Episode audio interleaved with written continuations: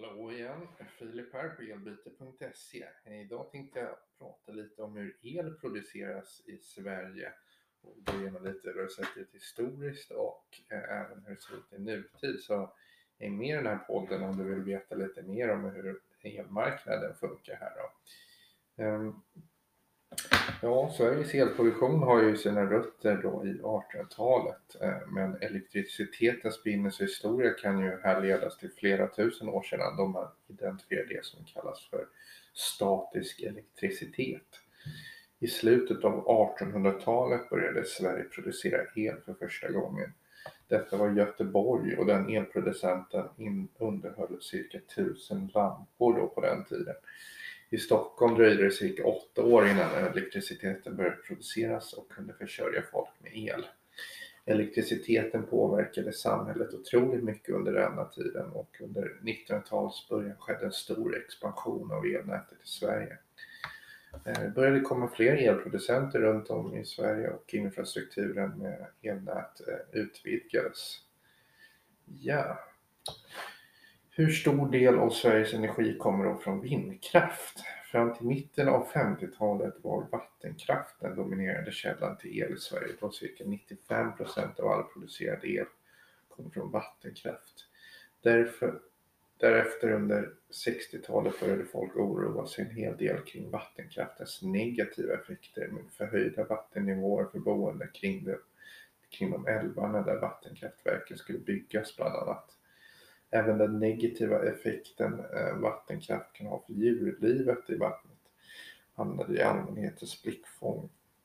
Den här oron ledde ju då till att politiker började vända blicken åt alternativa energiproduktionssystem som till exempel kärnkraft. Under den här tiden också då som kärnkraften började ta fart och utvecklas i Sverige. Eh, expansionen fortgick då under 70-talet men elförbrukningen började avta eftersom den tid, eh, det ökade kraftigt eh, eftersom elnäten höll på att byggas ut. Under 70-talet fram till avregleringen 1996 var den väldigt hög och om man jämför med tidigare så är det alltså, tidigare år då den ökade konstant. Sverige utvecklade allt mer kärnkraftverk vilket också det mötte stort motstånd från flera håll. Politiska partier förde agendan och föreslog miljövänliga alternativ. Eh, efterfrågan på el och elproduktionen ökade allt mer ända fram till avregleringen av den svenska elmarknaden 1996. Ja, varför avreglerades egentligen då den svenska elmarknaden? I slutet av 90-talet höll statsfinanserna på att hämta sig från tidigare lågkonjunktur och skyhöga räntor från bankerna. Den här ekonomiska situationen i landet kan, troligt, kan troligtvis ha banat iväg för en mer liberal syn på konkurrens. Avregleringen 96 berodde på den tidigare stora utbyggnaden och expansionen av elnätverken och produktion som har skapat en stor makt och elbolagen. Ehm, Fram till 1996 styrdes priserna då av elleverantören och när väl utbyggnaden av infrastrukturen var på plats var det mängden el som började spela roll. Tidigare hade fokus legat på att bygga ut elsystemet och dra alla kablar. I och med detta var politikerna mycket rädda för monopolistiska effekter som påföljd, det vill säga att prisutvecklingen kunde vara negativ för konsumenterna och styras av elleverantörerna. Därför avreglerades den svenska elmarknaden så att det uppstod fri konkurrens. Eh, ja, alla privatpersoner kan välja fritt bland alla elhandelsföretag som finns i eh, sitt elområde. Elhandelsföretagen köper elen på elbörsen Nordpol. Vissa elhandelsföretag är också producenter själva.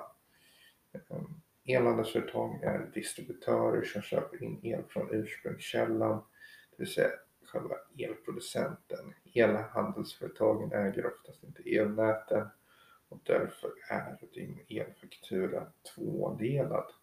Den består av elpriset som beror av den förbrukning av el du har samt den fasta avgiften för elnätet. Den fasta avgiften för elnätet kan man inte undgå, den betalar alla. Det skulle kunna liknas vid tunnelbanan där tunnelbanesystemet eh, där infrastrukturen är elnätet, tågen är elen och du som passagerare kan välja vilket tåg du ska åka. Elnätsföretagen har monopol eh, och är uppdelade i olika geografiska distrikt som ägs av dem enskilt. Elleverantören är som sagt det du väljer själv men elproducenterna själva upphandlar elen på en nordisk marknadsplats som heter Elbörsen Nordpol. Här upphandlas el mellan länderna Sverige, Norge, Danmark bland elhandelsföretag Elhandelsföretagen köper in elen och säljer vidare till olika privatpersoner och företag.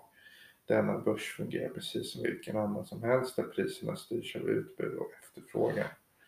Utbudet av el kan variera kraftigt och el kan sparas under lång tid. Ja, hur bestäms då elpriset? Elpriserna som elhandelsföretagen upphandlar är beroende av elproduktionen, handlar om utbud och efterfrågan helt enkelt. Hur mycket el som produceras i relation till hur mycket el som behövs. I tider då det finns ont om el och efterfrågan är hög så går priserna upp. Sommaren är ofta så att el finns överskott och går priserna ner. Om man har ett rörligt elpris följer man priset som i sin tur beror på elkonjunkturerna. Ibland stängs vissa av kärnkraftverken ner för reparation eller liknande vilka också får effekter på priset. Eh, idag, 22 år sedan avregleringen, eh, fungerar i stort sett likadant men det enda som skiljer är priserna mellan de olika bolagen. Det kommer nya aktörer, tillkommer nya hela tiden. Ett vanligt hushållssparande i snitt 1500 till 2000 kronor på ett regelbundet byte elbolag och sedermera elavtal. Eh, ja, priserna varierar kraftigt mellan elbolag och man kan spara pengar på att faktiskt välja rätt. Eh, vi rekommenderar alltid att man ser över sin elsituation. Varför ska man betala mer för någonting än vad man faktiskt måste? Eh, så gå in på elbyte.se i vår jämförelsetjänst och kika på vad du kan hitta för elpris. Tack för att du följt med och lyssnat ända i mål här på hur el produceras i Sverige. Ta gärna emot era synpunkter och feedback där på info.elbyte.se. Vi hörs framöver. Hej då!